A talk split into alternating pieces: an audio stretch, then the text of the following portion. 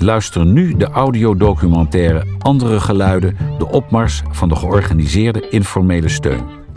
Zijn kinderen en gezinnen erbij gebaat als gemeenten meer gaan inzetten op vrijwillige steun? Informele steun is gewoon iets waar het professional niet over gaat. Maar het heeft wel degelijk voor een hele grote groep mensen heel erg veel waarde. Hoe effectief is die steun? De eerste overweging zou moeten zijn van wordt onze samenleving hier vitaler, veerkrachtiger en adaptiever van in de zin dat we kunnen meebewegen met de uitdagingen van de toekomst. En leidt investeren in georganiseerde informele steun tot besparingen op dure specialistische jeugdzorg? Er gebeurt iets en dat is anders en dat kun je als professional niet doen. Daar ben ik van overtuigd. Je komt erachter in deze vierdelige audiodocumentaire Andere geluiden, de opmars van de georganiseerde informele steun.